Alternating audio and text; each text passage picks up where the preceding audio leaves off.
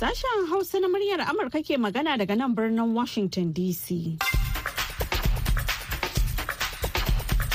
Jama'a masu sauraro Assalamu alaikum barkanmu da wannan lokaci. Yanzu ma Maryam Dauda ce tare da Muhammad Hafiz Baballe da sauran abokan aiki. Muka sake dawo muku da wani sabon shirin na hantsi a yau Laraba 25 ga watan Janairu na shekarar 2023. A cikin shirin namu na yanzu za ku ji cewa wasu 'yan banga su sha ɗaya sun rasa ransu a jihar Nejan Najeriya bayan da wani jirgin sama ya jefa musu bom.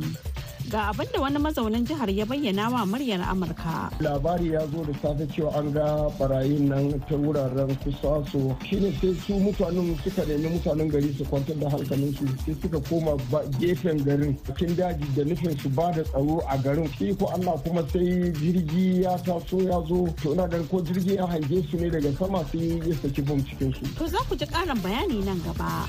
Kamar kowace ranar laraba a wannan lokacin. Yau ma muna nan tafa da shirin ciwon ya mace wanda aisha ma'azu ta shirya za ta kuma gabatar. Bayan haka za kuma mu kawo muku sharhin jaridun ƙasar kamaru. Amma yanzu dai sai a gyara zama a sauraron labaran duniya kashi na farko. Jama'a assalamu alaikum ga cikakkun labaran duniya. Mai karantawa muhammad hafiz baballe. Mahukuntan pyongyang babban birnin ƙasar koriya ta arewa sun ba da umarnin hana fita na tsawon kwanaki biyar saboda karuwan masu kamuwa da wata cuta da ke shafar numfashi da ba a bayyana ba kamar yadda kafar yada labaran nk news wadda ke da mazauninta a birnin seoul ta rawaito yau laraba inda ta ambato sanarwar gwamnati. Sanarwar bata ambaci cutar covid-19 ba amma ta ce mazauna birnin ana buƙatar su kasance a cikin gidajensu har zuwa ranar lahadi. Kuma dole ne su gabatar da gwajin duba zafin jikinsu sau da yawa duk rana a cewar nk news wadda ke sa ido kan koriya ta arewa.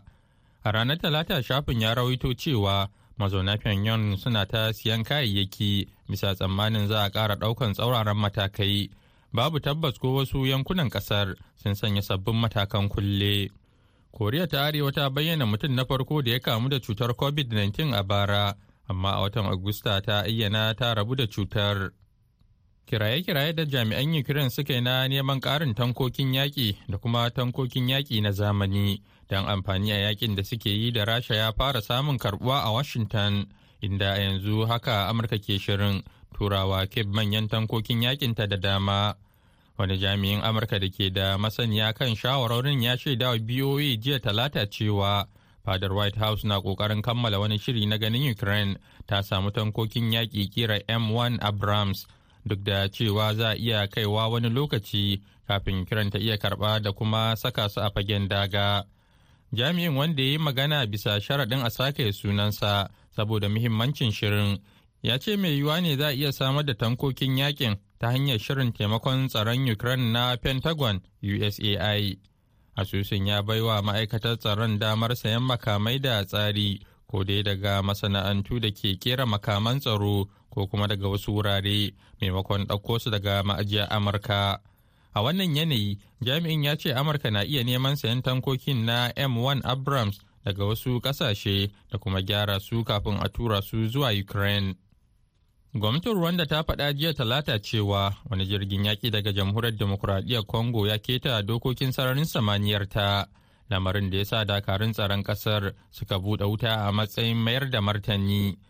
Wani faifan bidiyo da aka yada sosai a kafafen sada zumunta na Congo ya nuna yadda aka harba wani makami don kakkaɓo jirgin sojin da ke sama kafin ya fashe a iska kusa da jirgin wanda ya ci gaba da tafiya. Nan take dai kamfanin dillancin labaran reuters ya kasa tantance bidiyon.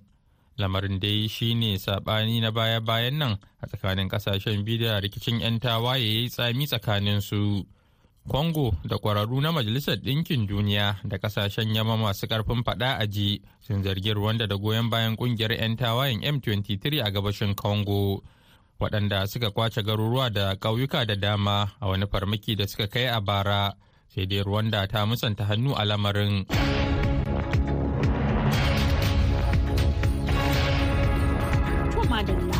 kafin ku ji karashin labaran duniyar za mu leƙa ɓangaren rahotanninmu.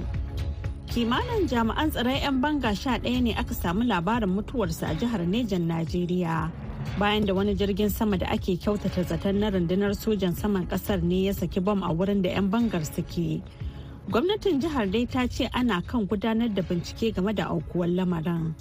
Ga ƙarin bayani daga wakilin muryar amurka mustapha nasiru batsari. Bayanai daga yankin galadiman kogo da ke karamar hukumar shiroro sun nuna cewa jirgin ya fatattaki 'yan fashin daji ne da suka auka ma jama'a a yankin. Amma bisa kuskure bam ɗin da jirgin ya jefa ya fada kan waɗannan jami'an tsaro na 'yan banga. Malam Usman Erana wani mazaunin yankin ne ya yi ƙarin haske akan yadda lamarin ya faru. Labari ya zo da safe cewa an ga barayin nan ta wuraren kusa so hanyar na ko su ƙauyuka kusa so da gana fai da fai so an ta cewa ga sunan shine sai su mutanen suka nemi mutanen gari su kwantar da hankalin su sai suka koma gefen garin cikin daji da nufin su ba da tsaro a garin ko da wani abu ne zai shafi irin fada irin haka to su yi da miyagun a wajen gari. Shi ko Allah kuma sai jirgi ya taso ya zo to ina ganin ko jirgi ya hange su ne daga sama sai ya saki bom cikin su ke kuma cikin iko Allah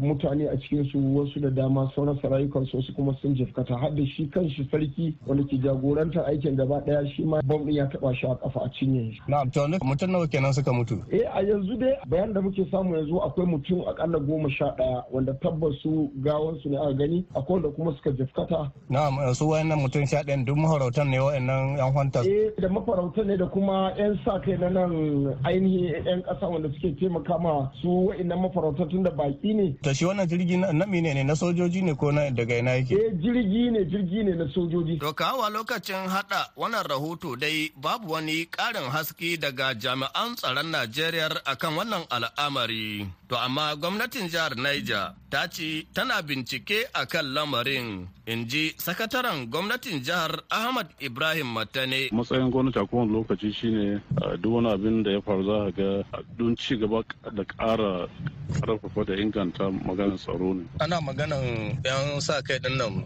sun rasa rayukansu da yawa ko kuna da tabbacin waɗanda suka mutu zuwa yanzu? A ai shi yasa nake ga maka ba mu san su waye da su waye ba. To kuma ba wani bayan da za a yi yanzu sai jami'an tsaro sun shiga wurin sannan a zuwa ba da cikakken bayani.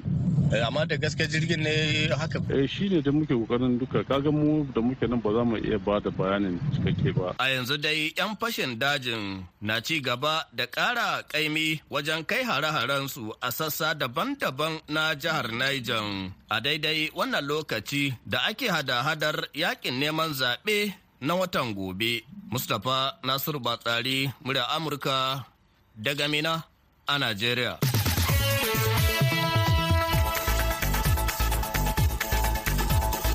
A gaida Mustapha Nasiru Batsari. To kuna sauraron shirye-shiryen ne daga nan sashen Hausa na muryar Amurka a birnin Washington DC. Yanzu kuma ga ƙarshen labaran duniya. Kasar Malawi ta roƙi ƙarin allurar rigakafin cutar kwalara fiye da miliyan bakwai daga hukumar lafiya ta duniya WHO yayin da take ƙoƙarin shawo kan ɓarkewar cutar. Hukumar WHO ta ba wa Malawi kusan allurai miliyan uku na rigakafin a watan Nuwamban bara, amma an yi amfani da su cikin sauri. Tun daga watan Maris ɗin bara, kusan mutane dubu talatin suka kamu da cutar, kana kusan dubu ɗaya suka mutu.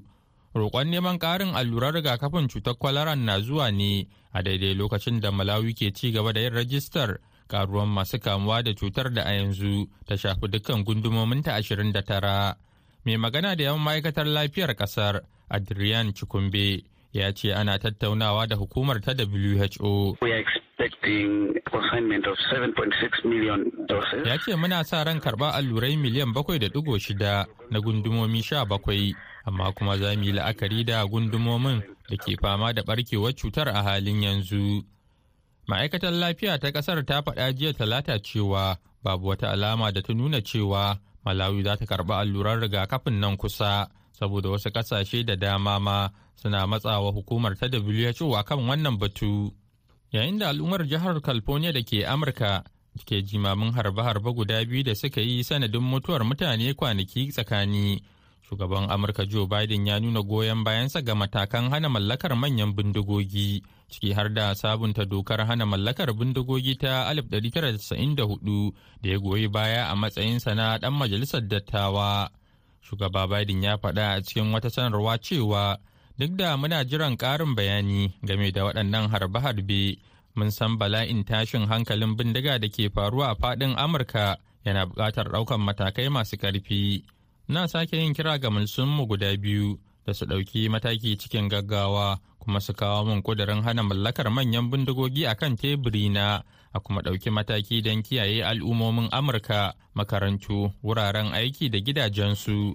Jiya talata harbe-harben ranar litinin a wurare biyu a habbe moon da ke jihar california ya yi sanadin mutuwar akalla mutane bakwai.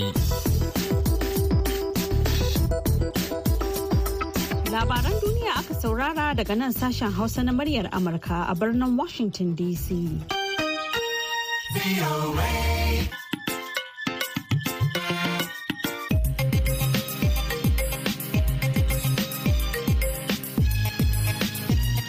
kafin ku ji shirinmu na gaba, ku ɗan shakata da wannan waƙar.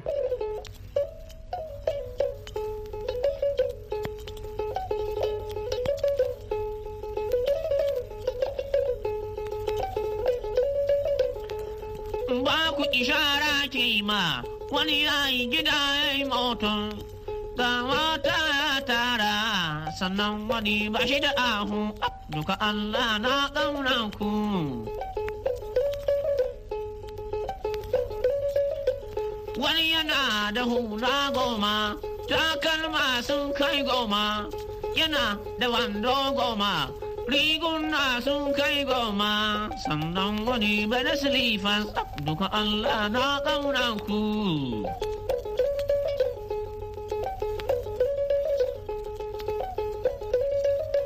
Wani yana da ɗaki nasa, ya yi gado ya ƙare, ya yi mataras ya sanya, kuma ya yi katifa nasa, ga rediyo ga canja, ga ku kafet fa a ɗaki. Har da kujeri nasa, sannan wani ba shi da ke so, abu duka Allah na ƙauna ku.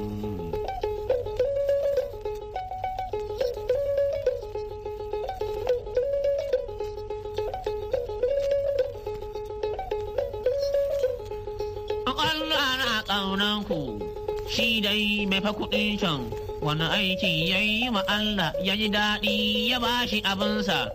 Gai ku da ba ka da ahu wani aibu ka yi wa Allah ya ji zahiya naka abunsa shi fa Allah sarki iko duk inda ya so bai wasa nake kuma ikon nasa ko Allah sarki iko. Shin malam in ka gane abun da ta bara ibaka to malam gara ka gode mutukan kuma ka yi butulci ranan karanku da Allah to ranan ka sha duka wala yana tikaka su maraya suna can gehe ne koko haƙuri ban bashi. Har yanzu dai kuna sauraron shirye-shiryen ne daga nan sashen Hausa na muryar Amurka a birnin Washington DC akan mitoci goma sha bakwai ashirin da biyar da kuma sittin. A jamhuriyar Nijar kuma za a iya sauraron mu a tashar mu ta VOA Africa mita da biyu da ɗigo biyar zangon FM. Bayan haka a koda yaushe za a iya jin mu ta shafukan mu na yanar gizo a voahausa.com ko kuma sashen hausa.com. To yanzu kuma ga shirinmu na gaba.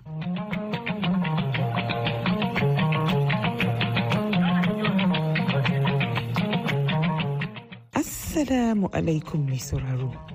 Barka da hantsin wannan rana. Mu barka da kasancewa da ni Aisha Mu'azu a cikin shirin ciwon ya mace daga nan sashen Hausa na muryar Amurka.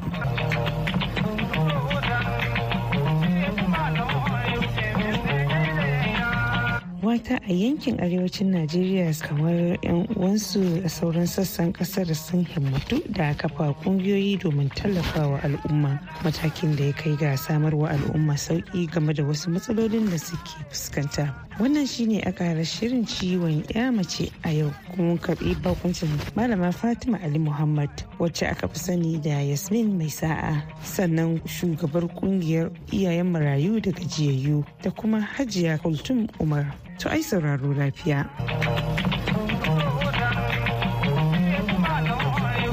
To malama Fatima menene baki sha'awar kafa wannan ƙungiyar?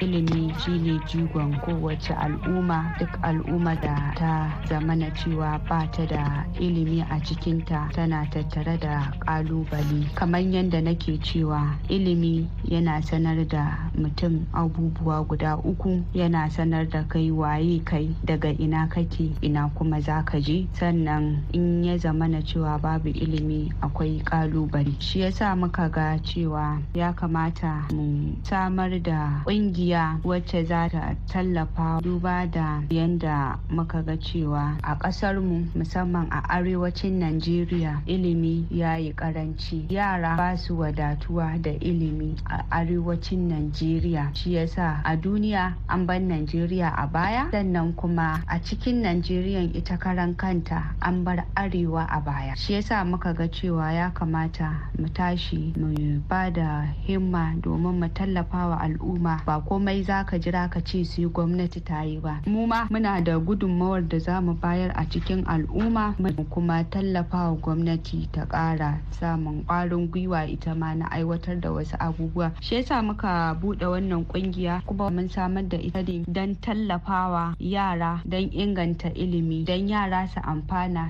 su ilimantu su girma su zama shugabannin gobe da muke fata su zama da izinin Allah. Hajiya Hultum mata sun yi himmatu wajen kafa kungiyoyi. Menene ra'ayinki game da irin waɗannan ƙungiyoyin taimakawa al'umma? Abu ne mai kyau sosai. Wasu za su buɗe game da ilimi, wasu za su buɗe game da taimaka ma matan aure, wani game da yara. Kin ga ai abubuwa ne masu kyau. So yana da kyau ƙungiyoyin nan a al'umma saboda yana taimakawa ya gaidin wasu yaran da iyayen ta da zai albarkace su. To malama Fatima irin ayyuka kuke aiwatarwa? Ita wannan ƙungiya tana kai yara makaranta daga matakin wanda ba su shiga firamare ba saboda zamani ya canza sai kai tunanin cewa ai yanzu in ka ji yaron da baya zuwa makaranta kaman abu ne wanda zai zame ma ya zo ma wani bambara kwai. To a yanzu maganar da nake miki akwai yaran da sun kai munzalin a ce suna matakin js1 ko js2 amma ko firamare 1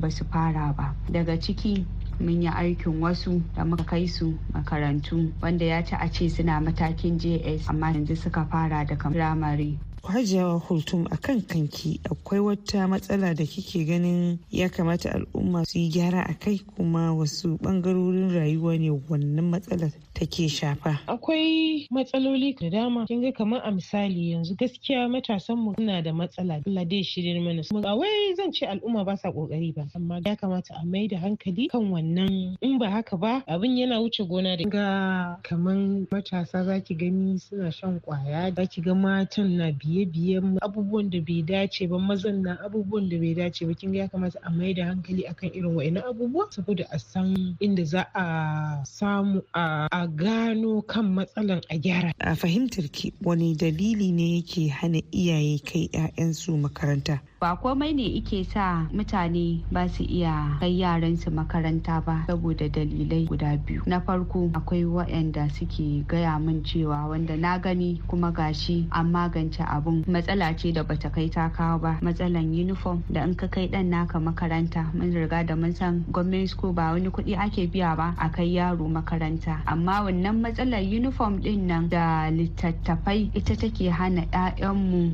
su je makaranta. Muna kai yara makarantun firamare wanda ba su shiga ba. Muna shigar da su mu ɗauke su mu kai su makaranta. Idan muka kai su makaranta mu ɗinka musu uniform mu siyo musu littattafai mu siyo musu biro mu siyo musu fensu mu ba su. Idan muka kai su daga matakin firamare muke farawa. Sannan wanda suka danganci matakin secondary ma muna ɗaukan su mu kai su makaranta. Samun musu admission su shiga domin su shiga matakin gaba da firamare. Saboda a hakikanin gaskiya. Wasu zaki ga da yawa cewa iyayenmu a gida ba wai karatu ne ba su san 'ya'yansu su yi ba. Abin yin karatun ne ba su iya tsayawa su yi. Saboda rayuwa ta riga da ta canza. Idan ana maganan abinci wa ike maganan littafi ko uniform? In ana maganan lafiya wa ike maganan siyan littafi ko uniform? Rayuwa mun riga da mun san cewa ta canza. Abubuwa sun yi wahala. Iyayen nan nama a gida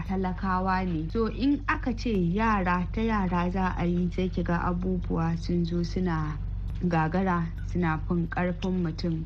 Kin yi min bayanin irin guzirin da kike tafe da shi a kan kafa irin waɗannan kungiyoyi ko kuma gudanar da ayyuka makamantan wannan. Akwai shiri da nake neman in tada akan matasan mu musamman because matasa za su karu da shi amma bai riga ya kan kama ba da zan fito da shi amma idan lokaci ya insha Allah za a ji akan menene ke tafe da ni kuma lokacin da zai bayyana insha Allah za a fahimci abin ƙoƙarin bayyanawa al'umma saboda matasan mu suna buƙatar taimako taimako. Idan ba mu mai da hankali ba a kansu abin ba zai yi kyau ba. A hakan ma sai a hankali sai dai godiya. Allah kuma ya daɗa mana jagora. Kuma abin da ya bani ƙarfin gwiwan fara wannan abin ne bari dan lissafa miki am kaɗan.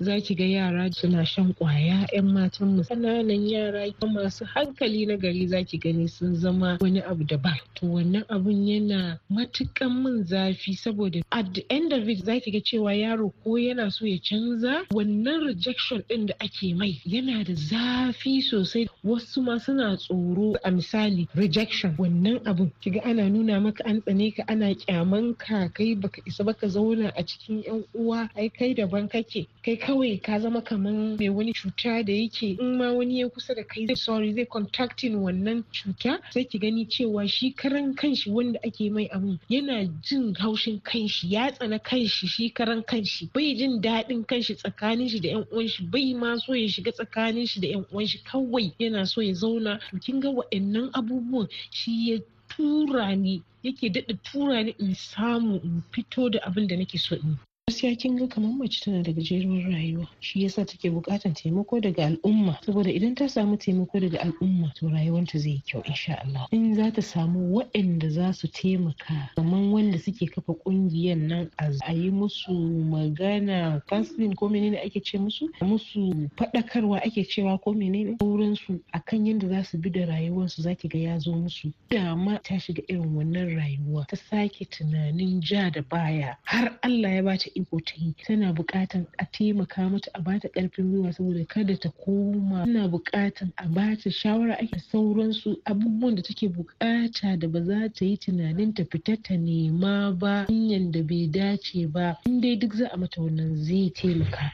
A zamanin yanzu abin ya lalace amma in za a dore a samu za ta taimaka ma matasa a ga canjin nan. Kin ga ɗana kowa ne ba naka kaɗai ba ne shi yasa yake da kyau irin waɗannan abubuwan akwai su da za su taimaka ma matasa. Saboda yanzu ko a cikin gida ma za ki ga suna abin nan lalacewa. Ba wai sai wanda ya fita ba. Su suna buƙatar waɗanda za su jagorance su har su samu abubuwa su musu kyau a rayuwa. Kuma kin ga duk abin da kai ma yaro ko kama mutum tsakaninka da Allah ne.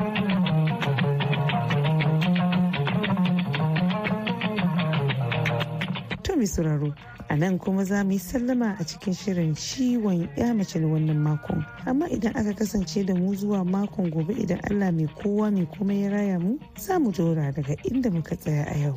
Yanzu a madadin lokacin ma'aikatan sashen hausa na muryar amurka da bakin namu sai solomon abu da ya daidaita mana sauti ni aisha mu'azu nake cewa mu wani lafiya.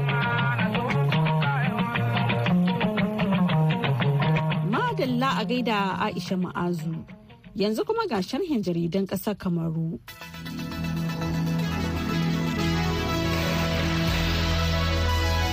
Zan fara shirin namu na wannan makon ne da jaridar lukon ta ƙasar jamhuriyar kamaru an da a farkon shafin ta labarta mana cewar ministan tsaron ƙasar jamhuriyar kamaru mr. Bete asomo ya ce wani bincike da hukumar liyan asirin ƙasar jamhuriyar kamaru ta yi na musamman ta bunkaɗo cewar a cikin jandarmomin ƙasar jamhuriyar kamaru an samu sama da jandarma guda dubu ɗaya waɗanda suka shiga aikin na jandarman ƙasar jamhuriyar kamaru da takardu na foge. Ya ce yanzu dai dole ne a hukuntar da su a gaban kuliya. Sai kuma jaridan avenir an da ita kuma ta ce a ɓangaren hukuman bayar da tallafi na man fetur a ƙasar jamhuriyar kamaru hukumar cewa ta yi a kowace rana tana asarar miliyar huɗu na sefan ƙasar a yayin da har yanzu haka ake jiran mahukunta su fitar da dokar da za ta cire tallafin na man fetur din a ƙasar ta kamaru baki ɗaya jaridar kamarun tribune kuma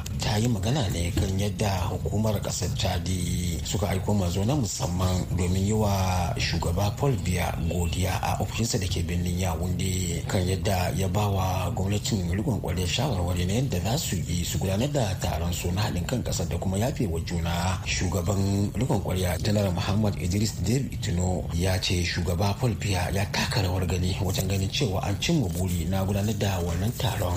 Jaridar ecohosan ta kuma cewa ta yi gwamnatin ƙasar jamhuriyar kamar za ta gudanar da alwar rigakafi na cutar gudawa da amai a jihohin da suke fama da ambaliyar ruwan sama domin hana kamuwa da cututtukan nan na zazzaɓin cizon sauro da kuma gudawa da amai din a faɗin ƙasar jamhuriyar kamaru. Jaridar mitasiyon kuma ta tsegunta mana cewar hukumar ƙwallon kafa ƙasar jamhuriyar kamaru kafo tana cikin wani hali na rashin tabbas da tsohon dan takardar ƙasar mr. samuel eto ya amshi ragamar tafiyar da hukumar a jaridar the guardian post ta ƙasar kamaru ana ita kuma ta gulmata mana cewar ma'aikatan kamfanin ganyen shayi na cdc da ke ɓangaren yan aware sama da guda dubu ne da yanzu haka za su rasa guraben ayyukansu a kamfanin domin rashin biyan su albashinsu na tsawon watanni talatin da kamfanin bai yi ba. Sannan kuma 'ya'yan ma'aikatan da alama ba za su samu komawa karatunsu ba na wannan shekarar.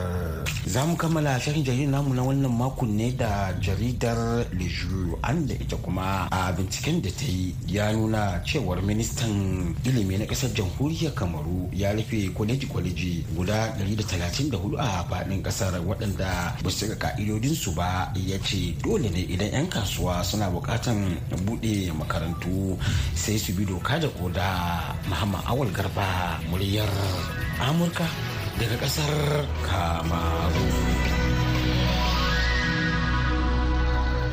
A gaida muhammad awal garba to yanzu kuma ga takaitattun labaran duniya.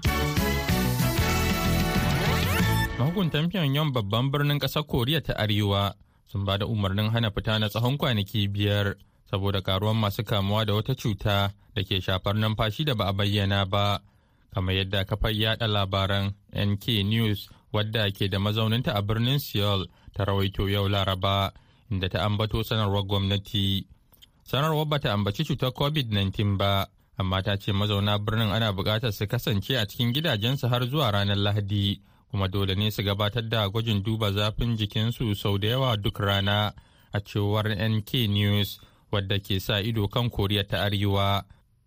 Kiraye-kiraye da jami'an ukraine suka yi na neman ƙarin tankokin yaƙi da kuma tankokin yaƙi na zamani don amfani a yaƙin da suke yi da rasha ya fara samun karbuwa a washington. Inda a yanzu haka amurka ke shirin turawa keb manyan tankokin yaƙinta da dama. Wani jami'in amurka da ke da masaniya kan shawarorin ya shaida wa boa jiya talata cewa fadar white house na ƙoƙarin kammala wani shiri na ganin ukraine ta samu tankokin yaƙi kira m1 abrams duk da cewa za a iya kaiwa wani lokaci kafin ukraine ta iya karɓa da kuma saka su a fagen daga. Gwamnatin rwanda ta faɗa jiya talata cewa wani jirgin yaƙi daga jamhuriyar demokuraɗiyyar congo ya keta dokokin sararin samaniyar ta lamarin da ya sa dakarun tsaron ƙasar suka buɗe wuta a matsayin mayar da martani. Wani faifan bidiyo da aka yada sosai a kafafen sada zumunta na congo ya nuna yadda aka harba wani makami don kakkaɓo jirgin sojin da ke sama kafin ya fashe a iska kusa da jirgin wanda ya ci gaba da tafiya. Yayin da take ƙoƙarin shawo kan barkewar cutar. Hukumar who ta ba wa malawi kusan allurai miliyan uku na rigakafin a watan nuwamban bara amma an yi amfani da su cikin sauri. Tun daga watan maris ɗin bara kusan mutane dubu talatin suka kamu da cutar kana kusan dubu ɗaya suka mutu. To masu sauraro a nan muka kawo ƙarshen shirinmu na hantsi sai kuma can an jima da rana. Za ku ji wasu abokan aikin namu ɗauke da wani sabon shirin. A madadin Muhammad Hafiz Baballe da ya taya na gabatar da shirin da Solomon Abu wanda ya haɗa shirin da kuma ba da umarni da ma injiniyan mu na yau. Ni Maryam Dauda ke cewa ku huta lafiya.